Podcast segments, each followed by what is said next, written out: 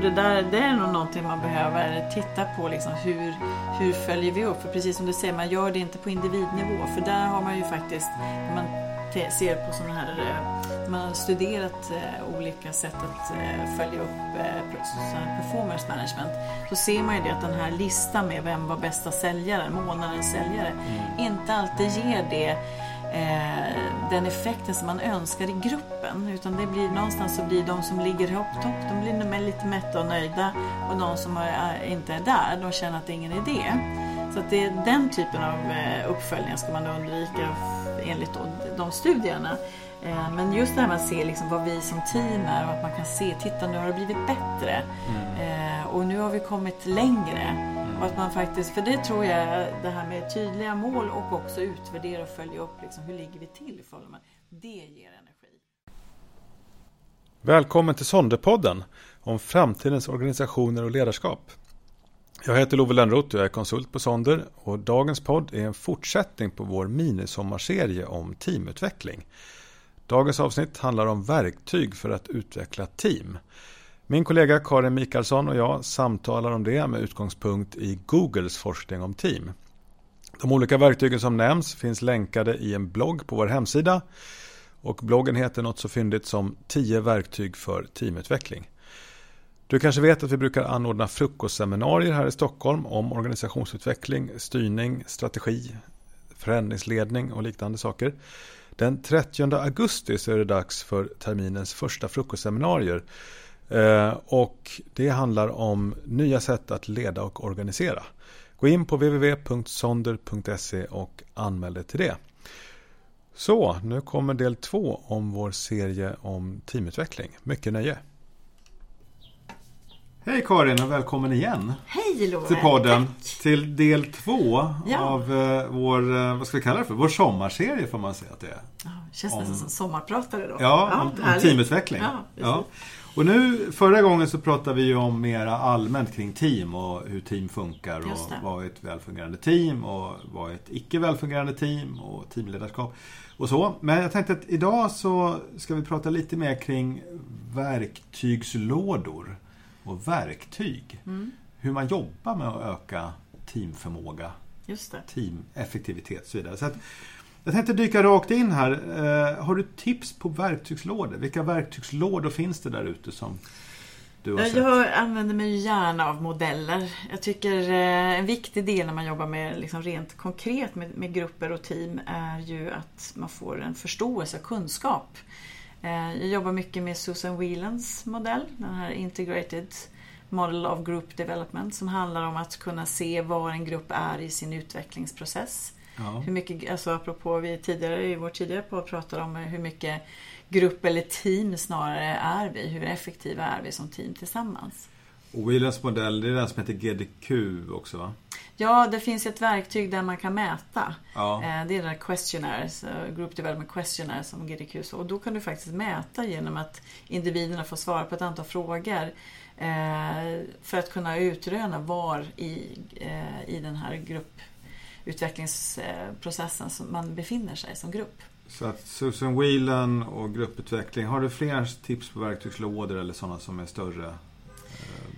Ja, större. Alltså jag tänker också att det är bra eh, när man jobbar med grupper att man inledningsvis eh, skapar, för att diskutera saker och ting, skapa en en förståelse för vikten av öppenhet, att man bygger en tillit tillsammans. Och för att kunna bli tillit är ju ett tillstånd mellan människor eh, och för att kunna komma dit så behöver man var och en bidra med att vara öppen med både vad man tycker är roligt och bra men också vad man kanske tycker är utmanande. Så där använder jag ju Wenderheims eh, modell öppenhet och trust när man handlar om att vi behöver bygga och komma djupare i vår relation och lära och förstå varandra och skapa tillit. Ja, så att den handlar specifikt om hur man skapar tillit yes. mellan individer eller yes. i en grupp? Mellan individer och då blir ju det en grupp också. Ja, ja. Jag tänker också, vi nämnde ju sist Google och deras ja, arbete. De har, precis, ju, här, ehm, de har ju forskat själva på sina, alla sina team inom Google. Och de vet, jag har stött sig mycket på eh, Amy Edmondson som är forskare och har gjort en TED-talk också mm. som ju handlar om framförallt psykologisk trygghet. Det. Och det känns som att det knyter an väldigt mycket till, till um, vad hette han nu? Himes? Wendell Himes. Ja. ja. vi får ta och lägga in lite, lite länkar till de här ja, sen, så att det blir lättare för folk att hitta ja. de här referenserna. Eh, så där har vi några verktygslådor. Jag funderar också, vi, vi själva har ju kört sådana här team development övningar här mm. och använt lite olika mm. Vi har ju faktiskt använt rätt mycket Googles eh, verktyg. Det är mm. sånt som de rekommenderar. Men det finns ju till exempel, eh, tänker jag också, Liberating Structure som finns som en app också. Mm. Som ju är ett sätt eh, som jag tycker är rätt smart. Där Det är som en community där man har tagit fram ett antal, man kan nästan kalla det som workshopövningar. Mm. Som är som verkligen en verktygslåda. Mm. För att just jobba tillsammans som grupp för att komma fram till olika saker. Mm. Så det, det, det, är som, det är verkligen som en verktygslåda som man kan liksom använda sig av och som är tillgänglig. Och jag tror, alltså det finns ju, jag, jag personligen tycker det är jätteintressant att hitta olika övningar och metoder. Man kan ju skapa sin egen verktygslåda också. Mm. Ganska många verktyg finns ju tillgängliga. Eh, men jag tänker just en som är när det gäller team och teamutveckling är ju eh, att jobba med reflekterande team. Mm. Vattentrappan kallas den också. Det är ju där man faktiskt lyssnar på varandras reflektioner. Mm. Den tycker jag är en, en, en, metod eller verktyg man kan använda i ganska många sammanhang. Inte minst om man ska skapa ett lärande. För att förstå, det här, det här har gått bra, det här gick mindre bra. Liksom, vad lär vi oss av det? Ja, precis. Den har jag kört rätt ofta för som ja, just workshop-metod. Ja, det, och jag tänker på det som en dialogmetod. Men egentligen, vi pratar teamutveckling. Det är ju mm. mycket att utveckla dialogen i, ja. en, i en grupp eller ja, i ett team. Precis. Och, och sättet man kommunicerar med varandra och, och hitta ett sätt att göra det. Så där finns det ju liksom egentligen, jag tänker på det, finns ju en myriad varianter oh, på, på verktyg oh, och på, på så, så vi ska inte dra eh, alla här. Men det Nej. betyder egentligen att det handlar, det vi är inne på är ju mycket den här typen av, om vi kallar det för kommunikativa mm. verktyg kan man kalla det för. Eh, så. Ehm, men jag, jag, jag, tänker att, att ehm, eftersom Googles modell är ju en ganska enkel och, och lättillgänglig modell så tänker jag att vi skulle kunna prata lite grann utifrån den, mm. de olika dimensionerna som finns där. Eh, de har ju fem steg, eller fem, jag ska inte säga steg för det är inte så den är gjord, utan mera fem, fem parametrar, områden, fem ja. områden som ja. man behöver jobba med. För, för att få effektiva team. Mm. Och om man tar deras då fem områden mm. Så är det nummer ett som är det allra, allra viktigaste som de har sett som överlägset har störst påverkan på teamets, teamens effektivitet inom Google. Mm. Så är det just det här öka den psykologiska tryggheten. Det är nummer ett. Mm. Nummer två, det är öka medlemmarnas pålitlighet. Det vill säga att var och en levererar det de har sagt att de ska leverera. Mm. Eh, det är nummer två. Nummer tre, öka struktur och tydlighet. Mm. Lite så här att var och en vet vad de ska göra. Precis. Nummer fyra, det är att öka känslan av meningsfullhet. Eller jag tror att det är samma sak som vi brukar omnämna som syfte. Att mm. det känns att det här jag gör, det, det har mening, det är meningsfullt. Mm. Och nummer fem som lite hänger ihop med det, eh, tror jag i alla fall, det är att öka känslan utav inflytande. Att, mm. ja, det vi gör, det har en påverkan, mm. en faktisk påverkan mm. på omvärlden. Mm. Så jag tänker att om vi, om vi hänger upp det och pratar lite grann kring de här så kan man ju ta upp eh, lite Whelan och sånt sen eventuellt. Men mm. om vi utgår från den här, för den täcker vi in rätt mycket. Om, vi, mm. om vi tar den psykologiska tryggheten till att börja med. Eh, vad, vad skulle du säga att man, hur kan man jobba för att öka den?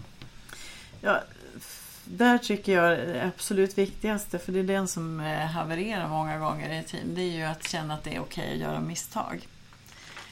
Ehm, så att, att uppmuntra, och det tänker jag mycket kopplat till innovation, att kunna liksom jobba i, på nya sätt. Att uppmuntra, att för att göra någonting nytt så måste man ju få pröva det nytt och att det är okej.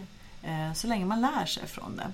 Det är därför jag använder de här med reflekterande team. För att det är ett bra sätt att kunna, istället för att liksom gå direkt på varandra, att man får lyssna på andras reflektioner och tankar om det som har hänt, hur det har gått i teamet eller med resultatet och så vidare. Kan, kan du ta lite snabbt hur den funkar?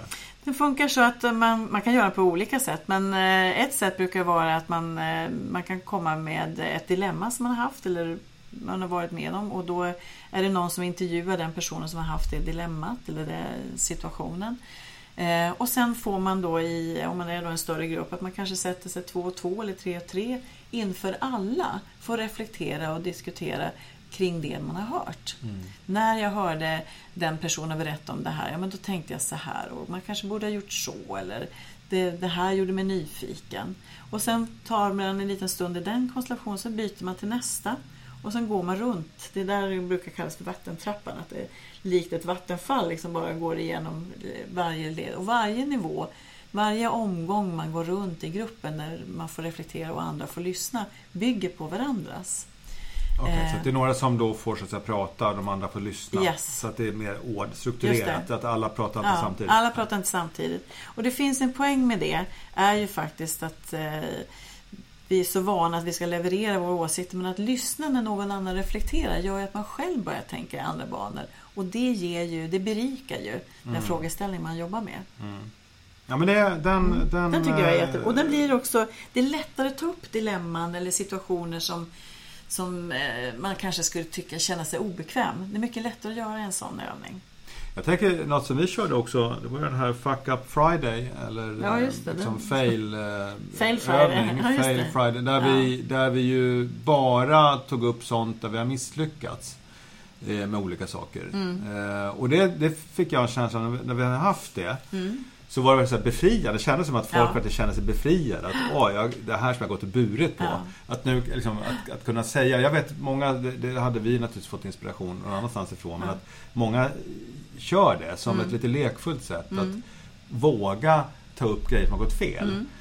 Eh, tänker jag. Så det är också ett sätt lite att öka tryggheten i teamet, sätt. i gruppen. Ehm, har du andra eh, sätt för att jobba med psykologisk trygghet just som, som du tycker Ja, är- men det, det är ju någonstans också det här. Det finns en övning som jag är jätteförtjust i. Jag har kört den några gånger som heter, jag vet inte om det är spe, specifikt psykologisk trygghet, men lite grann att komma närmare varandra. Man behöver ju inte bli privat, man behöver ju inte känna varandra särskilt väl. Men det är ändå ganska intressant att veta vilka är vi som ska jobba tillsammans. Och det är den här lika, uni, eh, lika, olika och unika. Att man får intervjua varandra och sen så får man se vad är vi lika och vad är vi olika. Och vad är det som jag tror att jag är lite unik i den här stora gruppen. Så Den är lite kul för det, då lyfter man upp sig själv, man presenterar sig själv från flera olika perspektiv. Än vad kanske bara, ja det här är jag, det är Karin, jag har jobbat så här länge med ditten datten. Utan här kan man komma in med alla olika perspektiv eh, och öppna upp. Och det är, ju- ju mer öppen vi kan vara om vilka vi är, desto bättre, desto mer ökar vi eh, tryggheten i gruppen generellt. Hur funkar det med såna här gamla beprövade metoder, typ after work, eh, pizzakvällar och sånt där? Liksom? Fun- Funkar det eh, för, för det här syftet? Att öka eh, tryggheten i gruppen? Alltså jag tror ju på det här med att man behöver träffas som grupp. Men jag tror, och man behöver eh, göra roliga saker tillsammans. Det tror jag absolut. Men jag tänker att det behöver inte bara vara after work. Utan jag tror att man kan ha, man behöver träffas tillräckligt många gånger och eh, bygga upp en, en relation i gruppen. Eh, det, det är nog mer antalet gånger snarare än om det är på jobbet eller efter jobbet. Ja, jag kan tänka att det finns någonting i det där sociala sammanhang. Det är att det finns ju människor som känner sig eh, inte så bekväma i sociala sammanhang. Eh, alltså typiskt introverta personer. Mm. Liksom, skulle jag säga. Och, och, och jag tänker ändå att de här typ AV eller pizzakvällar eller vad det är för Mm. någonting som är mycket det här att hänga med varandra och liksom vanligt mingel. Typ. Vissa människor fly, skyr det. Mm. Så att det kan ju i sig vara stöta bort, Ja, alltså absolut. minska tryggheten för, för vissa. Medan däremot om man gör sådana här strukturerade insatser i teamet i en jobbmiljö. För Mm. vissa personer blir det tryggare. Absolut. Ehm, så det är väl någonting också att fundera över. Att, att, eh, jag, tänker, att jag tror att många per automatik kopplar mer samvaro till att det per Mm. automatik kommer att öka tryggheten i gruppen. Eller liksom att gruppsamverkan. Och det är ju Mm. inte säkert att det gör Nej. det. Man kan ju också göra eh, olika övningar, till exempel i, om man nu ska gruppera inför. Eh, ibland när jag har kört sådana graphic history, det brukar vara ganska bra för en grupp faktiskt. att få, Speciellt om en grupp består av personer som har kommit in i lite olika tidsperspektiv. Och vad är graphic history? Graphic history, då gör man en visualiserad, man, man ritar upp en berättelse där, där medlemmarna i gruppen får berätta utifrån vad de har varit med om. Vad hände när jag började? Vilka var chefer då? Vilka jobbade här? Och så ritar man då på en, en eh, papper man sätter upp på väggen och sen så illustreras det samtidigt över en tidslinje. Ja. Eh, det här har hänt eh, och man kan se uppgångar och nedgångar, neddalar. Och eh, det brukar också skapa en förståelse för man får en gemensam historik. Eh, det brukar, jag, varje gång, jag vet att jag många gånger har fått kämpa för att med den övningen när man är i eh, uppstart av olika grupper och arbeten tillsammans. Och sen är det det alla säger på slutet, det var det bästa. Jag kan tänka mig skitbra faktiskt. För ja. Precis där man äger sin historia. För det är väl mm. väldigt vanligt att teammedlemmar kommer från olika håll. Man mm. har en, en kanske delvis gemensam historia och delvis inte. Och ja. så har man sina referensramar. Exakt. Och var och en sitter med det här i sitt huvud. Ja. Och det skapar en barriär. Men om man tillsammans gör den här ja. historieskrivningen, för det är också ofta ju traumatiska händelser som finns tillbaka i historien oh, i en organisation. Oh, ja. yeah. Som folk liksom har massa tabuer och grejer ja. också som har uppstått med tiden. Man tassar Massa runt. elefanter på bordet. Ja, det, vet, det är vissa man inte nämner, det är vissa ja. chefer man inte nämner, det är vissa liksom, händelser man inte nämner. Eh, eh, lite tänker på Basil Fawlty och Fawlty Towers där. Eh, Don't mention the war. ja, så lite, man gör, ja, men det tror jag är jättebra det här med ja. historieskrivningen ja. faktiskt. För det, det, det att, att, och, att göra det. Och det blir för eftersom, det här kanske det är min egen teori, jag tänker att eftersom det är på väggen man gör det, alla står och tittar mot en vägg, så kommer berättelserna verkligen upp. Ja. Alltså det är inte, man håller inte tillbaka. Eh, och det finns som du säger, det blir den här förståelsen för vad är det som har hänt? Ja men nu förstår jag varför det blir tyst när vi pratar om de här grejerna. Nu förstår jag varför det där eh, blir så hetsk diskussion. För att det har, har en historik bakom. Ja. Um, Amy Edmondson som då är mycket av upphovskvinnan till det här med psykologisk trygghet ja. som forskningsområde. Som, som ju Google tagit mycket inspiration ifrån. Hon har ett TED-talk som vi lägger in länk till tror jag. Um, annars kan man bara googla på det. Ja. Um, men hon har tre saker som hon tar upp i alla fall när det gäller att öka psykologisk trygghet. Det är då Frame the work as a learning problem, not an execution problem. Så mm. att, att, fokusera på lärande och inte på så att säga leverans. Precis. Det, och nummer två är acknowledge your own fallibility. Det vill mm. säga erkänn mina egna svagheter eller eh, tillkortakommanden, ja. begränsningar. Och trean, model curiosity and ask lots of questions. Ja. Så att det här att vara nyfiken och fråga mycket. Precis. Och det känns ju som att det är i linje med det vi har sagt. Verkligen. Eh, mycket de, de tre grejerna. Men psykologisk trygghet var det första och allra viktigaste som Google mm. tar upp i sin. Men sen har de då tvåan på deras lista. Mm. Det är öka medlemmarnas pålitlighet. Mm, så jag kan lita på så att säga att du Karin levererar och håller ditt ord. Eh, så. Vad, ja. vad skulle du säga man kan jobba med där då, för att göra Men, det? Ja, där är ju feedback. Eh, den här eh, att ha en, man pratar om feedbackkultur. Jag vet inte om det är så mycket kultur mer än att man känner att man faktiskt kan ge återkoppling till det. Eller framförallt be om återkoppling. Mm. Eh, jag tror att, eh, sen tänker jag också att det är eh, så mycket man kan visualisera om vad är det som är på gång och synliggöra det så är det mycket lättare att ha det som ett dagligt samtal än att man liksom sparar det till något möte en gång i månaden och så är det liksom det är då vi ska gå igenom. Och, eh, utan mer så att man ser liksom det här händer under veckan och eh, här är Karin involverad, här är Lova involverad. Eh, och folk kan komma och ställa frågor. Mm det gör ju att man känner, man ser sin uppgift, man ser och folk är intresserade och vill veta vad som händer och hur det går. Och en del kanske vill komma och hjälpa till. Mm. Det gör ju att jag tror att det ökar vår känsla av att vi, ja men nu vill jag ju se till att det här blir av. Mm. Det syns det och det så märker att folk är intresserade. Hur är det med liksom feedback, tänker jag bara, ehm, och, och också apropå kopplat till psykologisk trygghet, att, att våga att liksom ge en slags statusrapport där jag kan vara öppen mm. med att jag vet inte om jag fixar det här. Nej, precis. Jag behöver hjälp. Ja.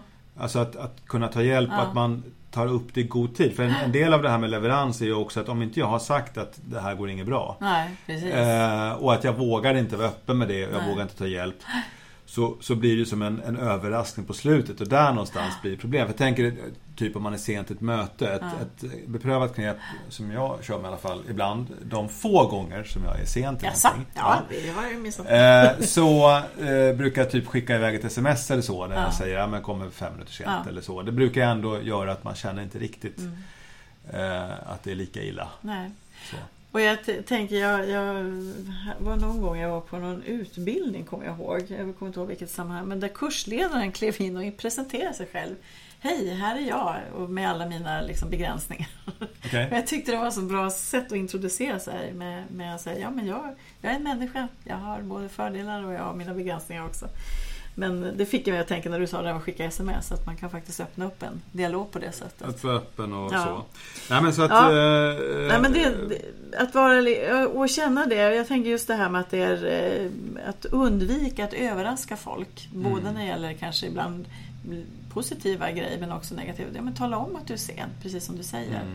Mm. Det är, det är överraskningsmomentet som är värre än att man faktiskt mm. inte alltid hinner i tid. Och, och sen också, jag har faktiskt varit med om, eh, jag brukar inte vara så, eh, vad ska jag säga, rak själv, men eh, varit med om sammanhang där en person rakt av har sagt till, ja men du Åke, eller vem mm. det är.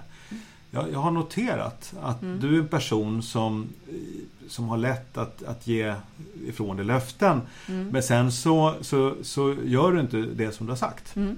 Har du, har du själv funderat över att det är ett mm. problem? Mm. Alltså den här typen av, när man, och, och det där kräver ju mm. att, att man vågar och så. Och, så att det inte uppfattas som för konfrontatoriskt. Men jag har märkt att som teamledare så är det där en fantastisk egenskap. Att mm. kunna ta den här typen av frågor eh, och ta upp det på mm. sånt sätt som gör att det känns inte som ett påhopp. Nej, utan mer som att är det, här, det här är kanske någonting du skulle fundera ja. på.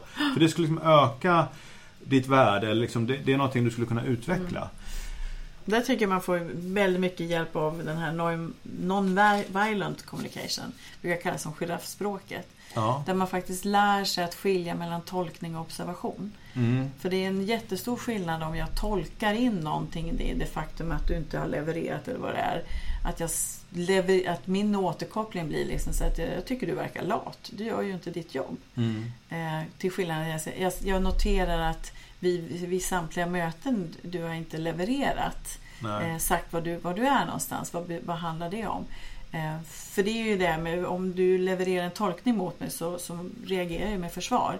Men om du levererar en observation, då har vi en dialog.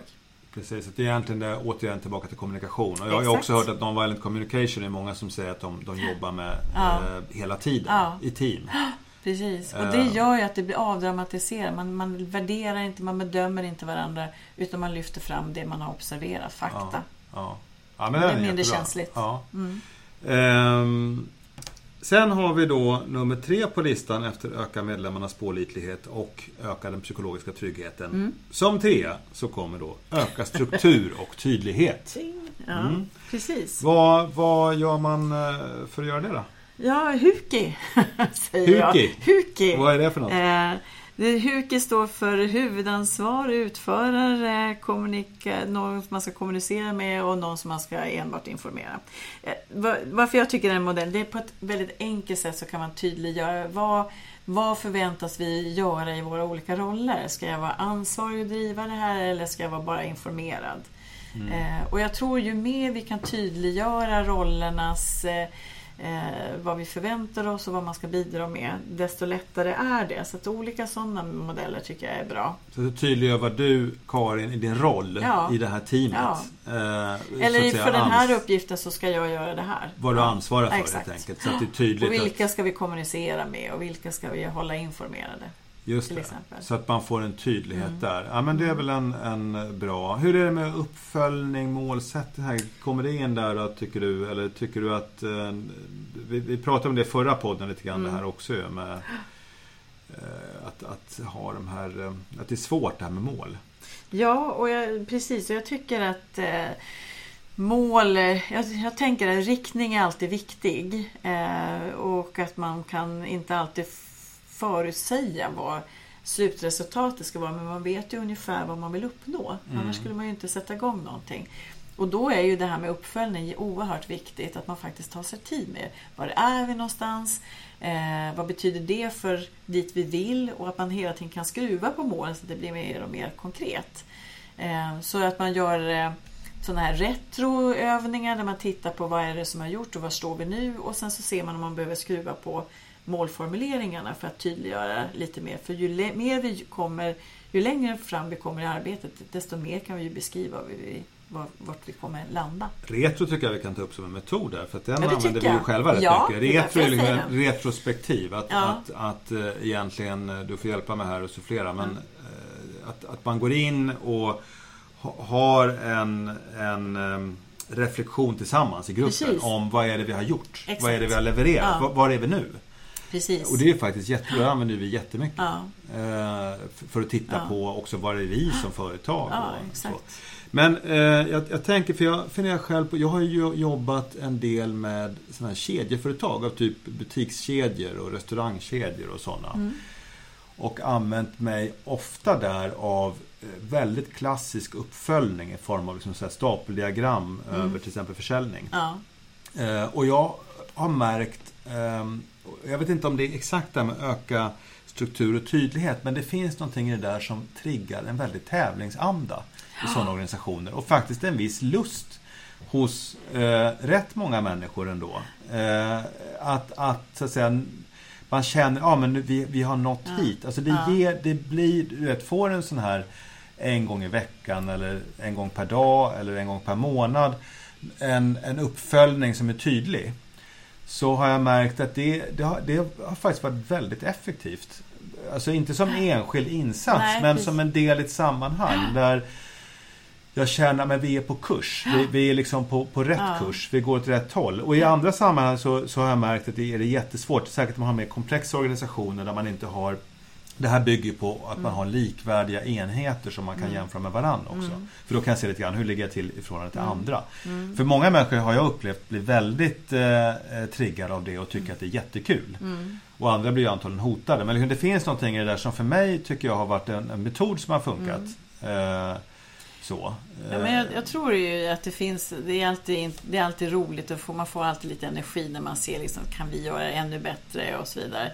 Eh, och jag tror det där det är nog någonting man behöver titta på. Liksom, hur, hur följer vi upp? För precis som du säger, man gör det inte på individnivå. För där har man ju faktiskt, när man ser på sådana här eh, man har studerat eh, olika sätt att följa upp performance management. Så ser man ju det att den här listan med vem var bästa säljare, månadens säljare, mm. inte alltid ger det eh, den effekten som man önskar i gruppen. Utan det blir någonstans så blir de som ligger på topp, de blir lite mätta och nöjda. Och de som är, inte är där, de känner att det är ingen idé. Mm. Så att det är den typen av eh, uppföljningar ska man undvika enligt de studierna. Eh, men just det här med att se liksom vad vi som team är och att man kan se, titta nu har det blivit bättre. Mm. Och nu har vi kommit längre. Mm. Och att man faktiskt, för det tror jag, det här med tydliga mål och också utvärdera och följa upp liksom, hur ligger vi till i förhållande. Det ger energi. Och, och det skapar också, liksom gemenskap, att nu har vi lyckats. Men var noga ja. också med att mäta sånt som är påverkbart. För jag tänker, Exakt. ett klassiskt exempel som jag har varit med om det är till exempel att eh, man har så sälj, eh, säljtävlingar eh, inom en bilfirma som säljer Mercedes. Mm. Och det är ju alltid oundvikligen den som säljer till taxi som sitter på liksom taxikontrakten mm. som vinner. Ja. Och då är det ju helt värdelöst som system. Exakt. För att det ja. innebär att det är redan liksom till stor del förutbestämt vem som kommer vinna. Eller eh, lite så kan man ju säga i sådana firmor firmor som vår egen också naturligtvis. Mm. Om du har, som man ofta har en partnerstruktur med ett antal parter som har jobbat länge. Mm. Som har upparbet, de upparbetade kontakterna med kunderna. Mm. Det, det blir en slags automatik i vilka som kommer dra hem de stora affärerna. Så det är klart att det, det finns sånt som man behöver fundera över. För det här med mm. mätning är ofta svårt. Det är jättesvårt. Eh, men, men det är intressant. Du, vi behöver... Eh, jag känner att vi kan prata hur länge som helst. men, men, ja. men eh, jag tänkte att vi skulle göra lite, lite effektiva och så, sommarpoddar här. Ja. Ehm, nästa då, efter mm. ökad struktur och tydlighet, det är att öka känslan av meningsfullhet. Mm. Ehm, finns det något, något du tänker på där? Hur, man, hur jobbar man med det? Ja, men det, jag, jag tänker just det här med det syftesdrivet. Jag menar, varför gör jag det här? Varför är det viktigt? Vad kan det leda till? Eh, det är ju en, att jobba med liksom, jag brukar använda det här med att hitta det, använda det här fem varför. Mm. Att hela tiden säga varför gör vi det här? Och när man har gett det svaret så säger man okej, okay, och varför gör vi det? Mm. Eh, och varför det är viktigt eller varför? För att någonstans komma till, ja men det är det här som vi eftersträvar. Eh, och det är ju någonstans att känna att det jag gör har en betydelse. Att det mm. känns meningsfullt för mig att vara med och jobba i de här grejerna. Jag kan inte säga att jag har någon så specifik eh, övning mer än att jag brukar använda mig av KASAM. Eh, och de frågorna så finns den här känslan av sam sammanhang. KASAM står för känslan av sammanhang? Ja, precis. Ja. För där har du det här just att är det tillräckligt meningsfullt? Eh, är det begripligt det jag gör? Känner jag att jag kan, har vi förmågan att göra det vi gör? Och där finns de frågeställningarna brukar jag jobba med när det gäller meningsfullheten där. Mm. Ja men Kasam är bra, den har jag också använt. Den mm. finns jättebra mm. metod och, och, frågor att hänga upp ja. det på. Ehm, och, och, just det här med att det är tydligt. Det, det är väl också därför man gärna vill koppla på sånt här som liksom, hållbarhet och man vill visa vad är det ja. för positivt avtryck vi gör i världen. Men jag vet inte. Ibland har jag känt, jag har jobbat väldigt mycket med just hållbarhetsfrågor. Ibland har jag känt att det blir lite för mycket de här lite fluffiga ehm, eh, högflygande eh, visionerna man lägger fram ja. eller målen man lägger fram. Och inte den direkta kundnyttan så att säga. För det jag själv upplever som är viktigt är att man får in det här med hur påverkar det här kunden? Hur, ja. hur kommer det här göra en identifierbar person eller grupps mm. liv bättre? Ja. Eh, så man försöker hålla det hyfsat nära också inte bli för abstrakt och för, för fluffigt. Precis, jag håller både till vad, vad eh, det, alltså för, vem, för vem gör vi det här? Eh, och att man också känner själv att du, du behöver få din egen passion i det där också. Känna att det är viktigt det du mm. gör. Eh, men det håller jag med om att inte bara vad jag tycker att kunden borde vilja ha utan faktiskt utifrån vad kundens perspektiv. Vad är det, vad är det bästa för kunden mm. i den här situationen och hur, kom, hur, bidrar, hur bidrar vi bäst till det? Mm. Ja men den eh, mm. känns viktig. Ehm, så det är känslan av meningsfullhet. Sen har vi mm. sista, femte punkten här på mm. Google-listan. Det är öka känslan av inflytande. Ehm, som handlar om påverkan på omvärlden. Att ha en faktisk mätbar påverkan mm. på sin omvärld. Vad, vad, och nu kom jag på, nu pratade vi ju nyss om det här med att mäta och följa upp saker. Att det mm. kanske mest faller in under den punkten då. Ja, kanske det. Men just att man, att, jag tror att det är en viktig eh, viktig sak att lyfta på något sätt. Liksom, vilket avtryck ger det här? Vad får vi när vi gör det här och när vi uppnår det här? Liksom, vad, vad ger det för avtryck? Mm. Eh, jag tror att det är en viktig del, kanske mer för, för, eh, för teamet att känna energi, att det här är eh, jag, jag tycker den hänger ihop väldigt nära med det här öka känslan av meningsfullheten. Mm. Syftet.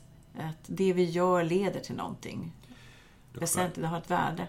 Jag kommer att tänka på en upplevelse jag hade när jag var student faktiskt. När jag, var, jag, skulle, jag fick sån här SIDA-stipendium, sån här MFS, Minor Field Study-stipendium. Då fick man åka till Uppsala och gå en kurs. Ja. Eh, för jag skulle göra exjobb då utomlands. Och jag minns så väl en läkare som var där. Jag tror det var en läkare eller vad han var. Ehm, som hade jobbat jättelänge med bistånd på SIDA. Ja som kom och det han sa var ungefär så här att så här, bistånd spelar ingen roll. liksom ungefär, vad jag minns, ja. kanske min tolkning men jag, alltså vad jag minns var så här, han så totalt sänkte alla förväntningar på att jag skulle ge någonting. Ja. Typ att alla insatser vi har gjort under alla år har inte lett till någonting.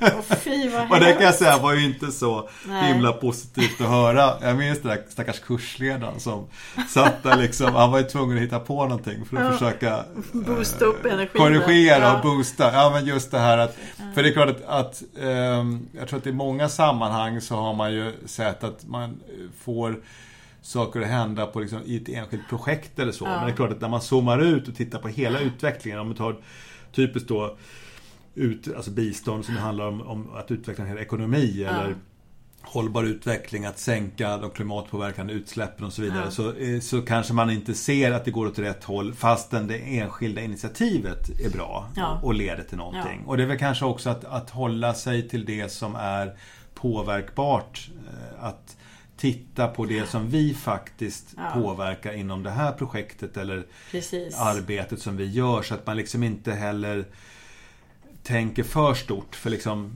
det här att... att Världsfreden. det, fin, ja, det, finns ju en, det finns en risk att man kan zooma ut så mycket så att man liksom så här att ingenting spelar någon roll. Nej. Vad vi än gör så är det meningslöst. Precis. Det är bra. Eh, svaret blir 42. Ja. Eh, men det, det, så att, att försöka liksom hitta det som, som är påverkbart på den nivå som vi kan påverka. Mm. Ja. Mm. Och att vi är överens om det. Och jag tänker just det här med att det, det är det här med vad som är meningsfullt för mig, vad, vad, vad, vad drivs jag av, men också vad är meningsfullt för andra.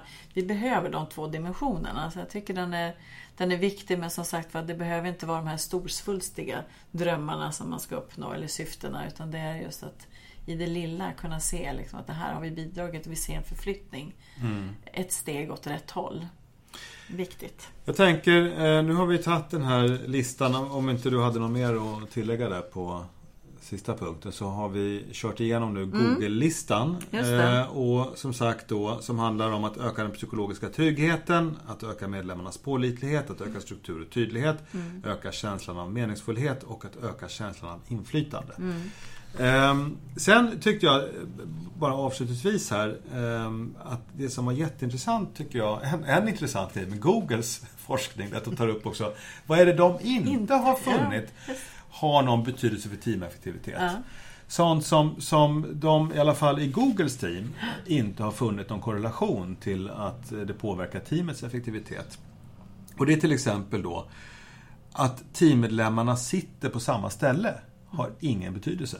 Eh, och det kanske beror i och för sig på att de är så duktiga på att jobba remote, så att säga, med, med, på distans. Så Yes. att det inte spelar någon roll för dem. Men så är det i alla fall.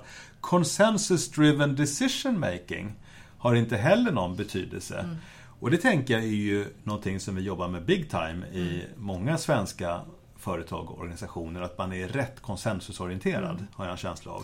Men jag tror att den eh, handlar om det. Så har du psykologisk trygghet så behöver du inte driva allting till konsensus. Ja, Och kanske att konsensus egentligen handlar om att man inte har psykologisk Ja men det är det trygghet. jag menar. Ja, att man- det handlar om Har man litar det? inte. Ja, nej precis. Nej, så utan- har, du, har du psykologisk trygghet då behöver du inte driva Nej. konsensus. Ja, för den är jätteintressant. Sen också extroversion of team members, alltså om de är extroverta eller introverta. Det har Mm. också ja, ingen betydelse. Nej.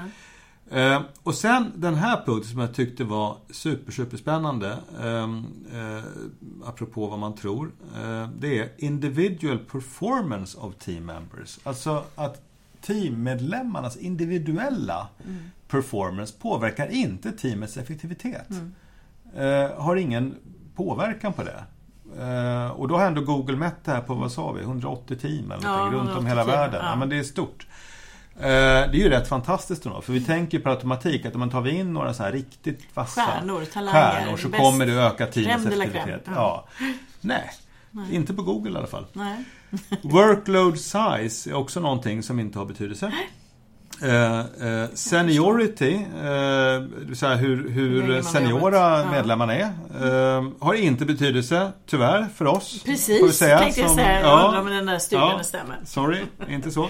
Team size, teamets storlek, inte betydelse. Och tenure har inte heller betydelse. Och tenure är väl typ hur länge man har liksom Ja. jobbat i den här rollen. Eller liksom hur, hur, eh, vilken status jag har på något vis utifrån att ha en viss position. Tror jag eh, att man ungefär kan översätta det som. Mm. Så det, det är också intressant eh, i alla fall det här fallet. Då. Det är så många av de här tycker jag i alla fall. Är inte, alla har jag inte tänkt på. Det här med senioritet enbart och talanger, men det har inte jag tänkt på. Eh, för jag har alltid tyckt att det är viktigt att få in så många olika perspektiv. Men det är ju för så jobbar ju vi i våra uppdrag. Att vi vill ha in olika representanter från olika delar av verksamheten. Men de andra delarna tänker jag just att det, är ju, det har ju funnits så länge en förväntan om att vi måste ha samma åsikter. Vi måste landa i en och samma åsikt. Eh, och jag tror att den synen, att, att komma från därhän, gör ju att man kommer, kommer jobba mycket lättare i grupper. Vi behöver inte tycka exakt lika. Nej, och jag tror att det finns ett problem Tvärtom. faktiskt i många svenska organisationer, inte minst, som är just att det handlar om rädsla faktiskt. Att man är så konsensusorienterad. För Ja. att man... Eh, det är inte okej att, att... Det finns inte tillit till en person som liksom tar initiativ och, och gör saker. Och, och det finns inte riktigt den överenskommelsen i gruppen. Utan det blir det här att man hela tiden måste förankra allting och mm. lyssna med den tredje, fjärde och femte personen mm. också runt omkring utanför teamet för att vara säker på att man får göra så här. Mm. Alltså att få tillstånd. Eh, och det här tillståndssökande beteendet, eh, det tror jag är en, en, något som tar så otroligt mycket energi från organisationer och team. Jag tror, ja, jag, jag tror faktiskt att konsensus har en annan dimension också. Att varför vi har, det är inte bara att man inte har tilltro eller tillit.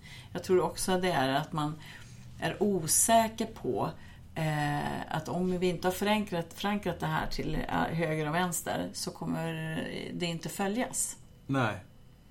Ehm, så det är inte att jag inte litar på dem utan mer liksom att men det, har jag inte jag fått vara med och bestämma så kommer jag inte engagera mig. Så den där accountability som, som Google har med pålitligheten, den är jätteviktig mm. Eh, att jobba med i organisationen. Att man känner liksom att men det här är, vi har alla ett ansvar och kan, ska vara med och bidra till det gemensamma resultatet. Mm. Great, men Bra. då ska vi väl återgå till uh, våra team och ja. fortsätta jobba. Så ja. jag tackar så mycket för dagens podd. Och vi Tack. lägger in lite länkar här till alla de här olika sakerna vi har mm. nämnt. Uh, och har vi missat att lägga in en länk så går det ju förstås att söka upp det på internet via någon söktjänst eller så. Mm. Tack Googles, för idag. Kanske.